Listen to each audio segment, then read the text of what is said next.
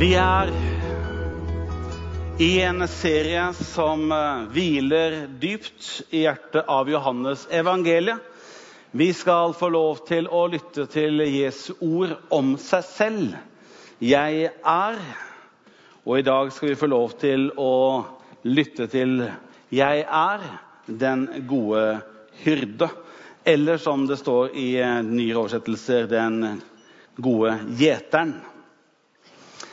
Jeg eh, vil ta dere med først i fem fortellinger. Og de går slag i slag, så um, heng på. Historie 1. Han ble født i London 24. juni i 1725. Faren hans var sjømann og jobbet på sjøen og var lange perioder borte. Men eh, hjemme var mamma. Han var enebarn, og han fikk hennes udelte oppmerksomhet.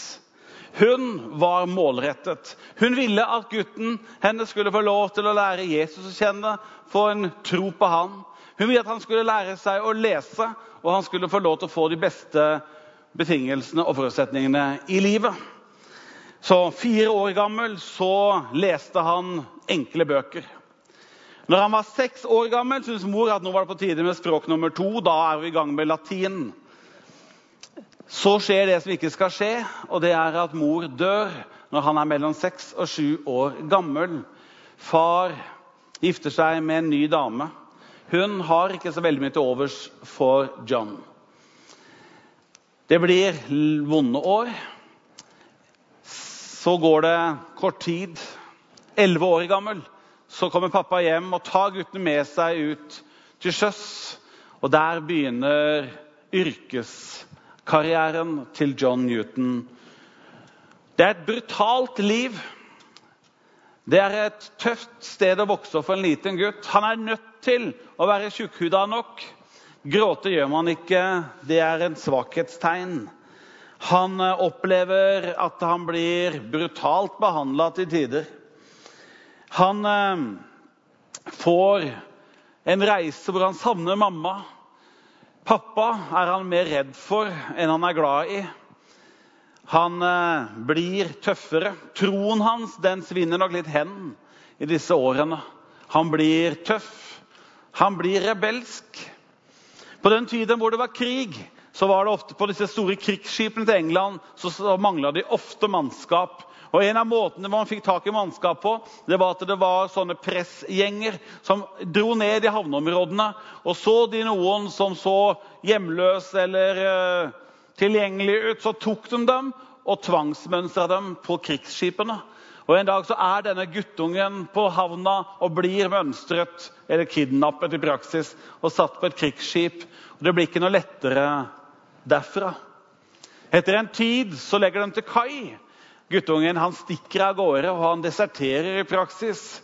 Men han blir innhenta, taua tilbake igjen, og foran alle de andre på båten blir han strippa ned og piska sønder og sammen. Det blir ikke noe mindre hard gutt av det. Han eh, sier selv 'Jeg kunne ikke se noen ting annet enn mørke og lidelse'. Og jeg var frista til å kaste meg selv over bord og med det gjøre ende på all sorg. Han blir så hatefull mot kapteinen på en av båten at han setter seg ned og begynner å planlegge hvordan han skal drepe han. Men han kommer aldri dit. Mislikt av befalet, for han ble en rebell. Til slutt så hyrer han seg på en båt med kurs for Sierra Leone og Afrika. En skadet sjel, en ødelagt samvittighet, en kynisk ung mann. Troen hadde havarert. Og han gjør bare det som skal til for å overleve i et tøft miljø. Og når han har kommet dit med livet, så var ikke veien så veldig lang. Når det åpner seg en mulighet litt framme på å kunne tjene raske penger på å bli slavehandler. Han kommer til Afrika, han begynner å jobbe sammen med en slavehandler, eller for en slavehandler. Denne dro ut for å få tak i nye slaver som skulle selge. Denne mannen her, han har en, en dame som han lever sammen med. John blir veldig syk. Hun bryr seg ikke om han, stenger han inn i et rom. Det er bare maten fra de andre slavene og tjenerne han overlever på. Og det her former John Newton. Etter en stund så er han selv slavehandler. Han står selv som skipper på et slaveskip, hører skrikene fra slavene under dekk. Men hans hjerte har blitt hardt, og hans sjel har blitt forherda. Men inni han så roper det noe, men det døyver han ned. Han blir en som påfører veldig mange mennesker lidelse. Jeg kommer tilbake igjen til John. Historie nummer to. Jeg besøker en mann på sykehuset. En venn. Han er gammel. Han er blitt syk. Når han var frisk, var han initiativrik. Han var en som skapte noe. Han var en som sto på. Nå er hodet hans fortsatt villig til å gå nye steder, men kroppen hans lenker han mer eller mindre til en stol, og utsikten hans er fire hvite sykehusvegger. Jeg får besøk. Jeg ser på nattbordet hans at der ligger det en stor, tjukk bibel. Og den ser jeg har vært lest mye. Du ser det på bladene og kantene på bibelen. Den var slitt, og det lå masse lapper.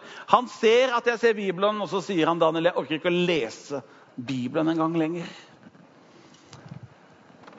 Og når mørket og natta kommer, og jeg ikke får sove, sier han Da kommer tunge tanker og veldig mørke følelser. Jeg kommer tilbake til den gamle, syke mannen. Historie nummer tre. I Bibelen i Det gamle testamentet kan vi lese om mange av disse her profetene som Gud kalte og utrusta. Og det er jo helt enorme fortellinger. Når jeg nå skal hente ut en av dem, så er vi i en tid i Israel hvor det er en konge som heter Ahab, og han har en dronning som heter Jeshabel. De tror ikke på Israels gud og tatt avstand fra det.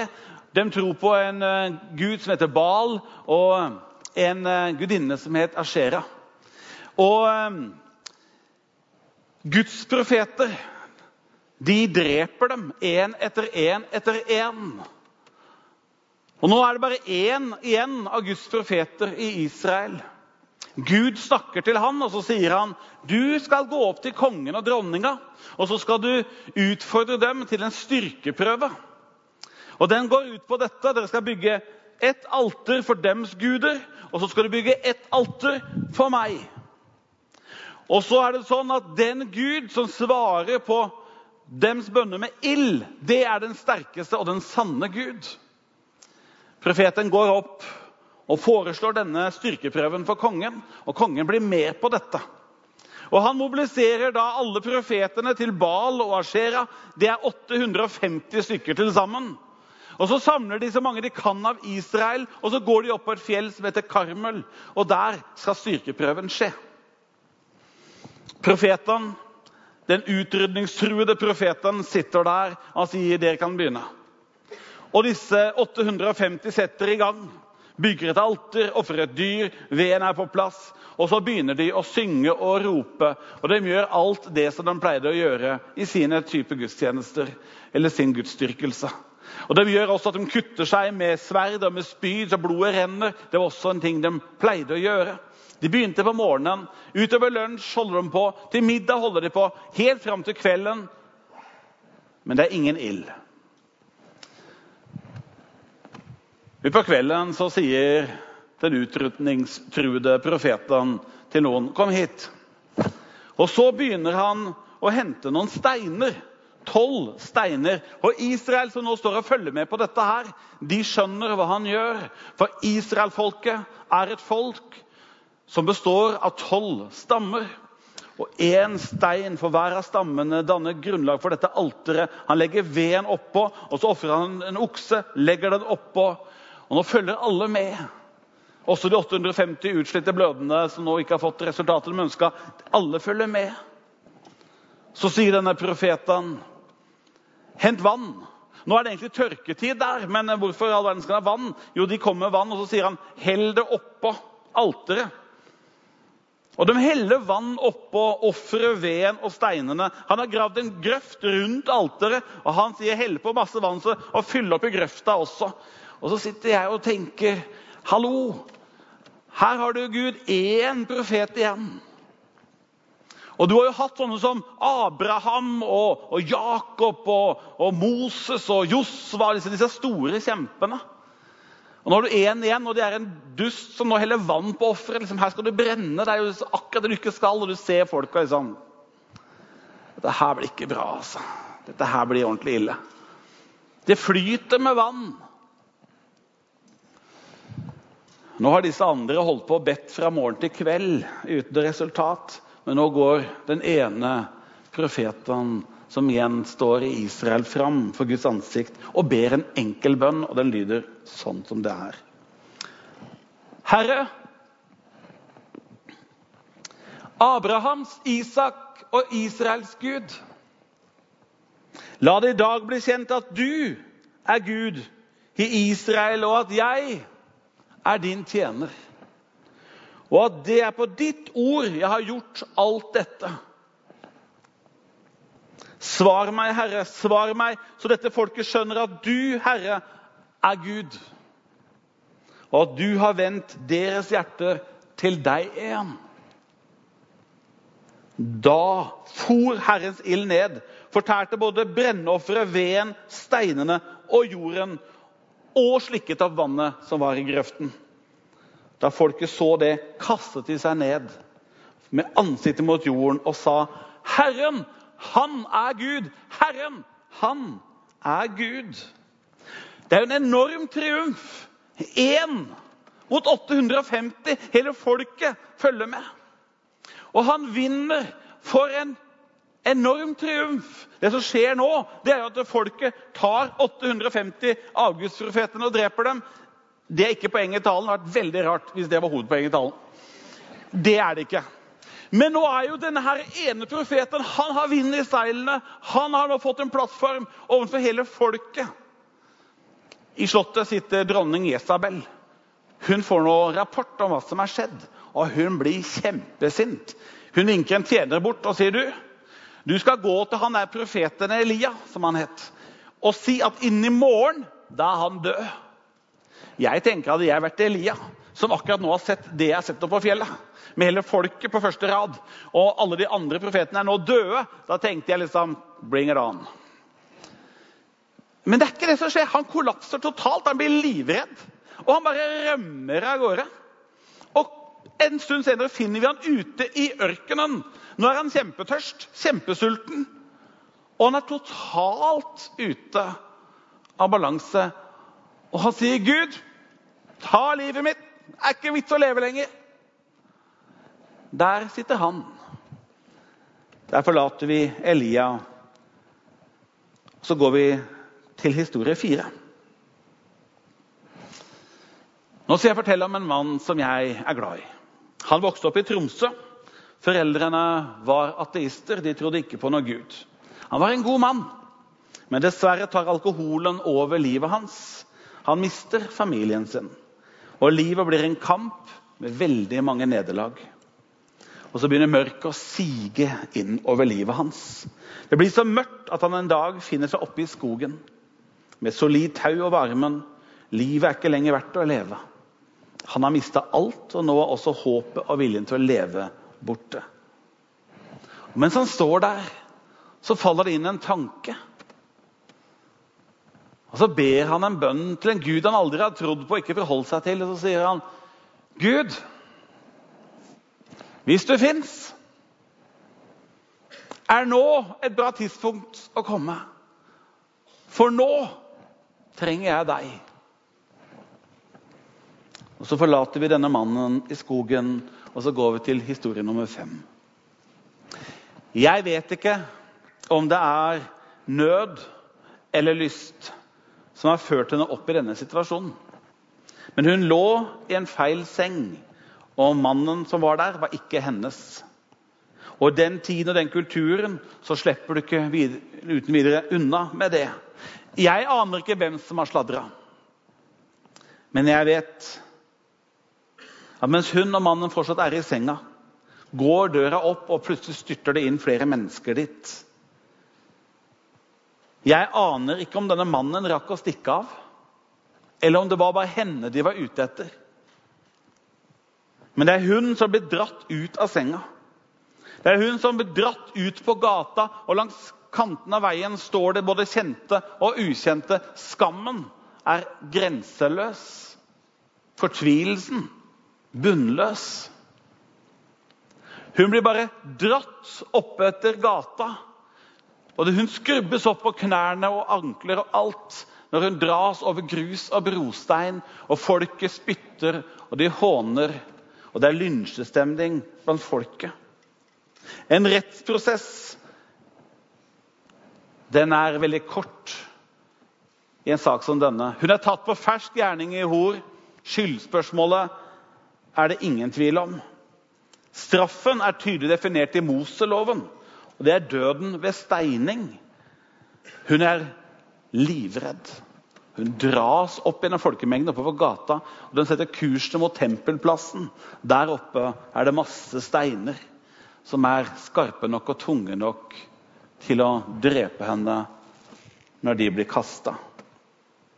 Jeg kunne fortalt om naboen min som nylig har blitt veldig syk, en mann jeg er glad i, og som per i dag ikke kjenner Jesus. Jeg kunne fortalt om de to som har delt tiår sammen, men nå sliter med å se en felles framtid. Jeg kunne fortalt om den unge studenten som hver dag omgås med hundrevis av mennesker, men er så ensom på innersiden at bare det å møte en ny dag føles som mer enn det hun klarer å håndtere. Jeg kunne fortalt om familien som har fulgt en ung ektemann og far til graven fordi kreften tok han. Jeg har mange historier jeg kunne fortalt, og du har sikkert dine. Nå kommer jeg inn i dagens tekst. Jesus valgte ofte å bruke lignelser eller fortellinger. Han elsket å bruke metaforer eller bilder for å hjelpe oss å forstå og huske. Og I dag er vi i Johannes evangelium kapittel 10, og vi er i vers 11-18. Det er her Jesus sier disse berømte ordene om seg selv. 'Jeg er den gode hyrden', eller 'den gode gjeteren', som det står i den nye årsettelsen. Gjeteren var en av de mest kjente skikkelsene på Jesu tid. George Adam Smith, etter å ha reist til Palestina, han sa det sånn som dette. Når du møter hyrder på et eller annet høydedrag, hvor hyenene hyler om natten Når du ser ham stå der uten å ha sovet, speidende utover landskapet Han er barket av vær og vind. Han lener seg på staven sin, mens blikket hans streifer over sauene som er spredt utover området mens hver enkelt av dem er fanget inn av hans vaktsomme øyne. Da forstår du hvorfor hyrden i Judea har fått en så framskutt plass i hans folks historie.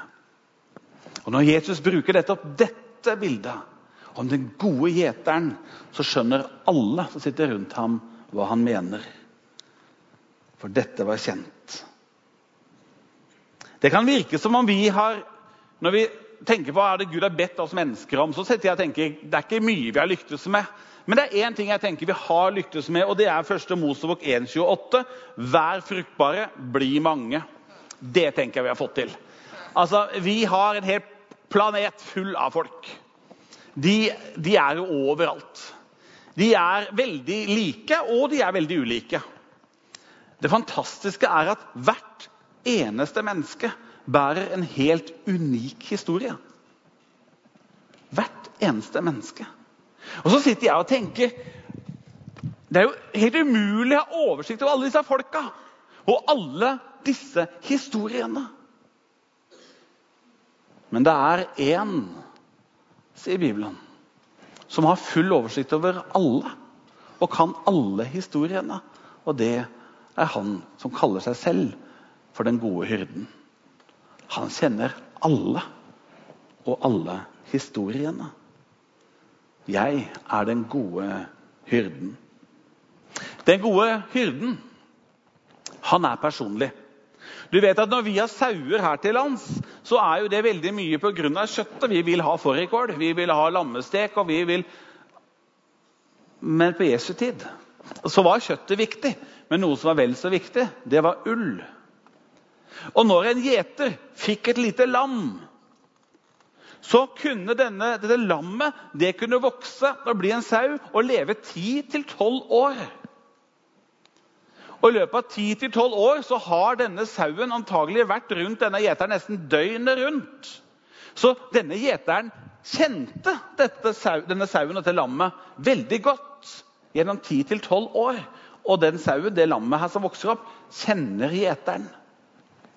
Det er derfor han sier, 'Jeg er den gode gjeteren'.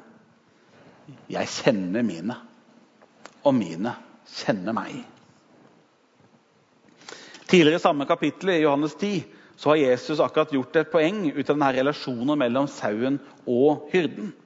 Det står i vers 3-4. Og sauene hører stemmen hans. Han kaller sine egne sauer ved navn, og han fører dem ut. Og Når han har fått alle sine ut, går han foran dem, og sauene følger ham, for de kjenner stemmen hans. Den gode gjeteren er personlig. Derfor er Bibelen også full av disse fortellingene om at 'jeg har tellet dine dager, jeg vet ditt navn, du er min øyensten, jeg har tegnet deg i mine hender, dine murer står alltid foran meg'. Dette har Gud behov for å si. Om en mor glemmer sitt dine barn, skal ikke jeg glemme deg. Gud er en personlig Gud. Men han er også en hyrde som våker utrettelig. Kanskje er du her som ennå ikke tror eller ikke har landa i om du tror. Kanskje er du her som er inne i en mørk periode eller en tung tid i livet, eller du er ensom. Gjeterens øyne følger med deg. Ikke for å ta deg, nei, men fordi han elsker deg. Historie fire som jeg fortalte, om denne mannen som står i skogen med tauet rundt armen, og som sier, 'Gud, hvis du fins, er nå en god tidspunkt å komme, for nå trenger jeg deg. Han ante jo ikke at den gode hyrden hadde fulgt med han hele tiden. Og Når denne bønnen kommer, hører hyrden dette, og hyrden beveger seg nærmere. Jeg skulle ønske du hadde hørt om hans egne ord, hans egen dialekt, når han forteller når han står der i skogen og ber denne bønnen når livet er bare helt svart. Han er i ferd med å avslutte det. Og Han forteller om da kommer den Gud jeg aldri hadde trodd på. Det blir et møte mellom meg og Gud som er så sterkt, så overbevisende, så overveldende at jeg pakker det tauet sammen. Og Jeg setter kursen tilbake til Tromsø by, og nå er jeg en agenda der jeg finner en kirke. Og finne en kristen jeg kan snakke med. Og han finner denne kirken, og han går i den kirken den dag i dag. Den gode hyrde er ikke bare et eventyr. Det er en virkelighet midt i møte med det mørkeste og det mest brutale i livet.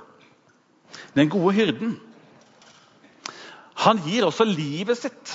Når jeg satt og skulle forberede meg til denne talen i dag, så leste jeg ganske mye på forskjellige ting.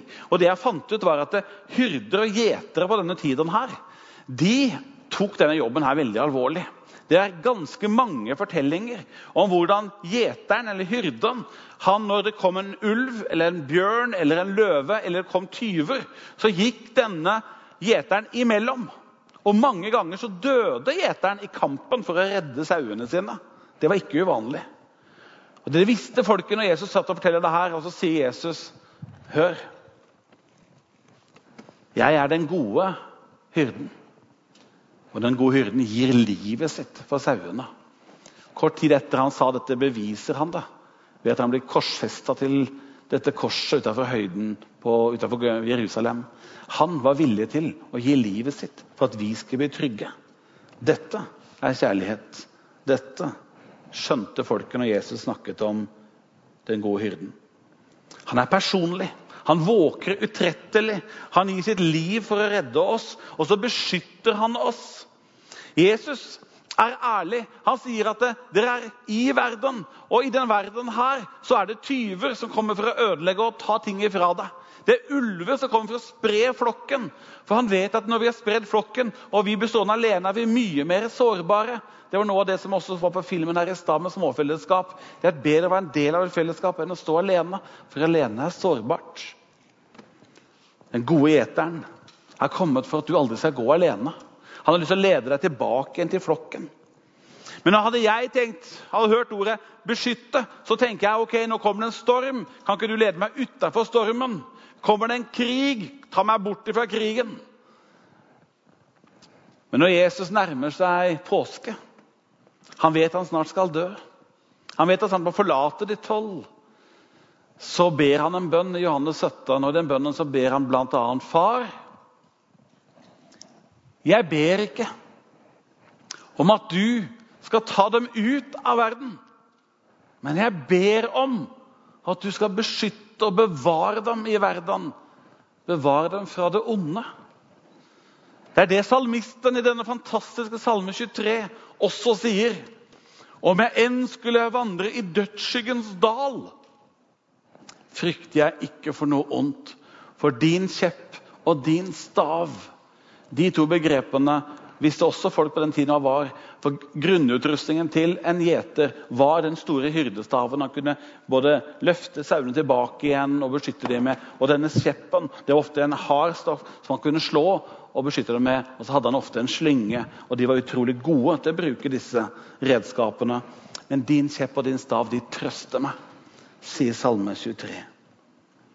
Han kommer ikke til å ta deg utafor alle utfordringer og farer, men han kommer til å være med deg gjennom alt. Den gode gjeteren er også en som oppsøker og leter. I Matteus 18 så står det denne fantastiske fortellingen om at det er en gjeter.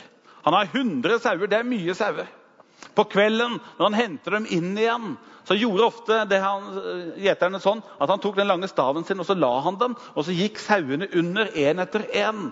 Da kunne han se om det var noe skade på dem, han kunne se om det gikk bra med dem, og så kunne han se om de var der alle. Og denne her fortellingen så sier Jesus det kom til 99, og det mangla én. Da forlater han flokken på de 99 trygge og går ut for å lete. Og han er oppsøkende til han finner den som har gått seg bort. Gud er en oppsøkende Gud. Og Jesus har sagt det så tydelig. Og Tilbake til historie 1. John Newton står på skipet sitt. Under er det lyden av mennesker som skriker. I angst, i frykt, i lidelse. Han er en herda mann. Folk rundt ville ikke ha noe med han å gjøre. Han var en grusom slavehandler. Men Gud så en sau som hadde gått seg bort. Han så et menneske som hadde rota det til, og som var et ulykkelig menneske. I 1764 mønstrer John Newton av slaveskipet sitt. Han legger bort slavehandel. Han blir ordinert som prest i den anglikanske kirken. Første nyttårsdag i 1773 så sitter han og skriver en tekst som skal være en illustrasjon til en tale han skal ha. Og så sitter han og skriver. Og så skriver han, og da er hele bakteppet av sitt eget liv, hvor han vet hvor mye lidelse han har påført, hvor mye ondt han har gjort, og hvor langt unna fortjent av nåde han var. Så skriver han 'Amazing Grace' og nåde stor, som frelste meg. Senere ble det lagt melodi til den, og så har det blitt den mest kjente av alle våre salmer, skrevet av en gammel slavehandler som ble innhentet av Guds nåde. I 1787 skriver han 'Mine tanker knyttet til afrikansk slavehandel'. og Der tar han to sterk avstand fra det han selv hadde levd og brukt mye av livet sitt på. Og han skriver at 'når jeg tenker på hva jeg har vært med på, fryser det i mitt hjerte'. Denne John Newton ble innhentet av den gode hyrden. Og ingen andre hadde lyst til å hente han inn. Den gode hyrden det var han som så den gamle mannen på sykehuset. Jeg sitter på rommet hans, og det er trist. For alt han har lyst til, kan han ikke gjøre, for helsa er så dårlig. Og Jeg husker enda når tredjemann kommer inn på rommet. Han sov ikke, men vi kjente at han var der. Hele rommet ble fylt av når den gode hyrden kommer på sykebesøk den dagen. Og Jeg ser ansiktet til den gamle mannen, og det bare strømmer tårer ned ved kinnet hans. Og jeg aner ikke hva jeg skal si, for det er bare et rom fullt av Guds nærvær. Jeg har lyst til å bare si at det gode hyrde vet hvor du er. Du, denne ildprofeten Elias han ble kalt ildprofeten, og det var ikke så rart med den erfaringen han hadde gjort på Karmel. Nå er han der på fjellet. Han har bare ingen lyst til å leve. Han er livredd. Han tør ikke gå noe sted. Da kommer den gode hyrde til denne motløse profeten. Og så gir han han drikke og mat og trøst. Og så gjør han noe som han ikke pleide å gjøre Gud. Han sier nå skal du stelle deg borti revnene i fjellet der borte. Ikke noe menneske kan se Gud og leve, men jeg skal gjøre det sånn at jeg går forbi deg. Og når jeg går forbi, skal du få lov til å få et glimt av ryggen min, av min skjønnhet, så du skjønner at jeg er nær deg og aldri går fra deg. Sånn er den gode hyrde. Og i Elia ble denne mektige profeten som reiste seg i Guds kraft og betydde mye, mye i sin samtid. Denne kvinnen, dratt opp langs gatene, dumpet ned på tempelplassen. Skammen er stor. Livet hennes er i ferd med å ebbe ut. Folket rundt bøyer seg ned og løfter opp steiner. Tunge steiner med harde kanter. Og alle er klare for å hive for å drepe denne kvinnen. Det de ikke vet, er at på tempelplassen denne dagen er den gode hyrden. De kjente bare ikke til ham. Før noen rekker å kaste, så hever han stemmen sin. Og så sier han hvis noen er uten synd, kan han kaste den første steinen. Så blir det et øyeblikk av sannhet over hele tempelplassen. Det er litt vakkert når det står at den eldste slapp steinen først. Og så høres det dunk, dunk, dunk over hele tempelplassen idet steinene ble lagt ned og folk gikk bort. Og så ligger kvinnen der gråtende, blødende, kikker opp når en spør henne er det ingen som har fordømt deg. Hun kikker seg rundt. Nei, det er ingen. Og så møter hun blikket til en som elsker med en kjærlighet hun aldri før har sett. Hun har gjort noe galt. Hun var skyldig. Men han sier heller ikke 'jeg fordømmer deg'. Fordi han elsker de villfarne, de bortkomne, de som roter til livet. Han har kommet for å hente oss hjem igjen, hente oss tilbake igjen og gi oss en ny sjanse, et nytt liv. Kanskje er du en av de som tenker at jeg er ikke sånn som de andre kristne. I dette avsnittet så står det også et vakkert vers. og Det er egentlig snakk om den som ikke var fra Israel, sånn som oss. Jeg har også andre sauer som ikke hører til denne flokken. Også dem må jeg lede. De skal også høre min stemme. Det skal bli én flokk og én gjeter. Kanskje er du en som føler du ikke passer inn den kristne rammen. Vet du hva? I flokken til Jesus er det veldig mange sauer. Eller mye forskjellige typer sauer. Du passer inn. Bare la han få lov til å hanke deg inn. Kanskje opplever du at du ikke helt alltid vet hvordan du skal velge de gode valgene og roter det til. Da er det godt å høre hyrdens stemme si 'kom'. Kom her. Når du gjør dumme valg og prioriteringer, roter til relasjoner, går steder du ikke skulle vært, er det ikke da trygt å vite at den gode hyrden vet akkurat hvor du er, og han er der for å føre deg tilbake igjen. Husk også en ting. Det er at Jesus selv vet hvordan det er å være helt alene i mørket. Han vet hva det vil si å være helt, helt alene. Min Gud! Min Gud! Hvorfor har du forlatt meg? Der var Jesu mørkeste øyeblikk. Da var han helt alene. Han vet hvordan det er å være alene når det er mørkt. Den gode gjeteren vet om du befinner deg i en mørk og vanskelig tid i livet ditt. Og alt du ser framover, bare virker mørkt. Han vet å følge med de minste iblant oss, de mest sårbare. Den gode gjeteren gir tusenvis av mennesker i våre dager troen på seg selv igjen. Troen på livet, troen på framtiden og gleden over livet. Jeg vet ikke hvor du er i livet akkurat nå, men jeg vet at den gode hyrde vet akkurat hvor du er og hvordan du har det. Og Når han bruker bildet om gjeteren og sauene, så har jeg undret meg hvorfor altså det at jeg ender opp som sau, det er, jeg, det er ikke det største komplimentet jeg har fått. Altså, hvis du går til en eller annen og sier, som du ikke kjenner, og tester det ut da, kan godt gjøre det til uka, og så bare går til din sau og test reaksjonen, se om, det, om de opplever å, det er kjempekoselig. Det er ikke utgangspunktet. liksom. Det slår ikke ut den veien. vet du. Og så tenker jeg, Hva er det han ønsker å si til meg da, når han bruker bildet av sauen? Annet enn at det var veldig tilgjengelig, for det var et bilde de så hver dag. Jeg tenker at sauen den har ikke hoggtenner, har ikke klør. Den er ikke av de smarteste dyra på den planeten. Og jeg tenker igjen, så er ikke det liksom til min og din fordel da, at vi blir da en sau. Men den sier noe om sårbarhet, og jeg tenker vi er til tider sårbare.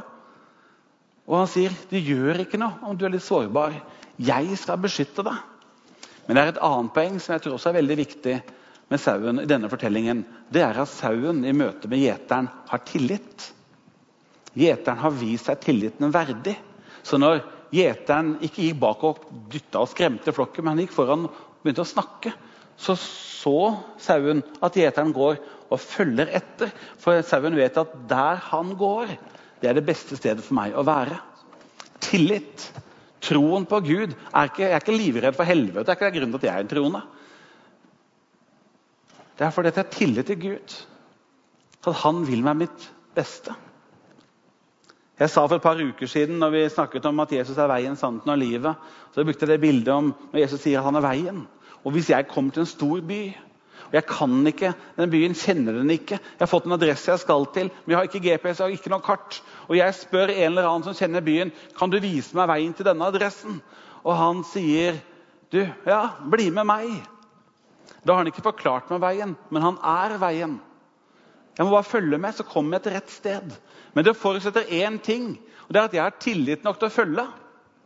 For jeg følger ikke hvem som helst. Det skal ikke du selv gjøre. Dra til en annen by, og så kommer en og sier 'kom her', da. Så blir du med. Det er, det er hakket naivt. Så jeg tenker jo at det, når vi skal følge noen, så må det forutsette tillit. At jeg er trygg på personen. Og det er noen ganger i livet jeg tenker, at vi er nødt til, også i troen på Gud, kjente vi har tillit til Gud. Livet gjør noe med oss for godt og vondt. Erfaringer gjør oss mer forsiktig. Hvis du har slått deg, hvis du har blitt skuffa, hvis du har delt hjertet ditt med noen, og noen har brukt det mot deg, vet du hva? da tør du ikke neste runde å dele uten videre fra dypet av hjertet ditt, fordi du er redd for å bli såra igjen. Jeg har ikke lyst til å snakke om et fryktstyrt liv, men jeg har lyst til å si noen ting om at vi lærer av livet. Men erfaring drar oss ofte inn i et landskap der vi er kjent. Og det kjente er ofte trygt. Og Jeg har sittet og sett at mennesker som er på et dårlig sted, har lyst til å være der, for det tross alt er kjent. Så det er noen ganger vi må komme oss ut av et trygt sted fordi det er kjent. Fordi Gud har lyst til å ha oss til noe som er bra. Han har lyst til å ha oss bort ifra dette. Han har lyst til å lede oss et sted hvor det er mat og drikke. Den kristne handlingen og vandringen den handler ikke om trygghet koblet mot penger. handler ikke om trygghet koblet mot følelse. handler ikke om trygghet koblet mot geografi. Den handler om trygghet koblet til en relasjon. Så blir spørsmålet om den som tror er tillit til å følge hyrden. Tillit vil alltid bli utfordra og prøvd. Men tillit, når den viser seg verdig, vil lede til trygghet. Og hvis vi får lov til å leve en vandring med Gud i trygghet, så vil den lede oss inn i et hvilende landskap. Og vi får lov til å se at å følge hyrden, det er et trygt sted og et hvilende måte å leve på. Og så har jeg én drøm.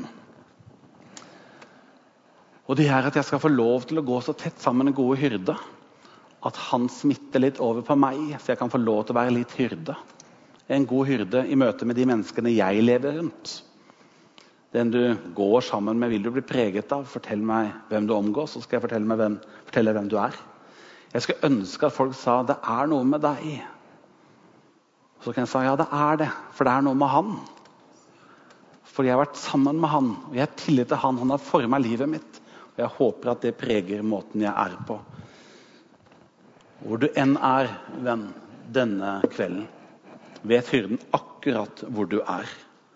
Og han har lyst til å hente deg inn for at du skal ha det godt.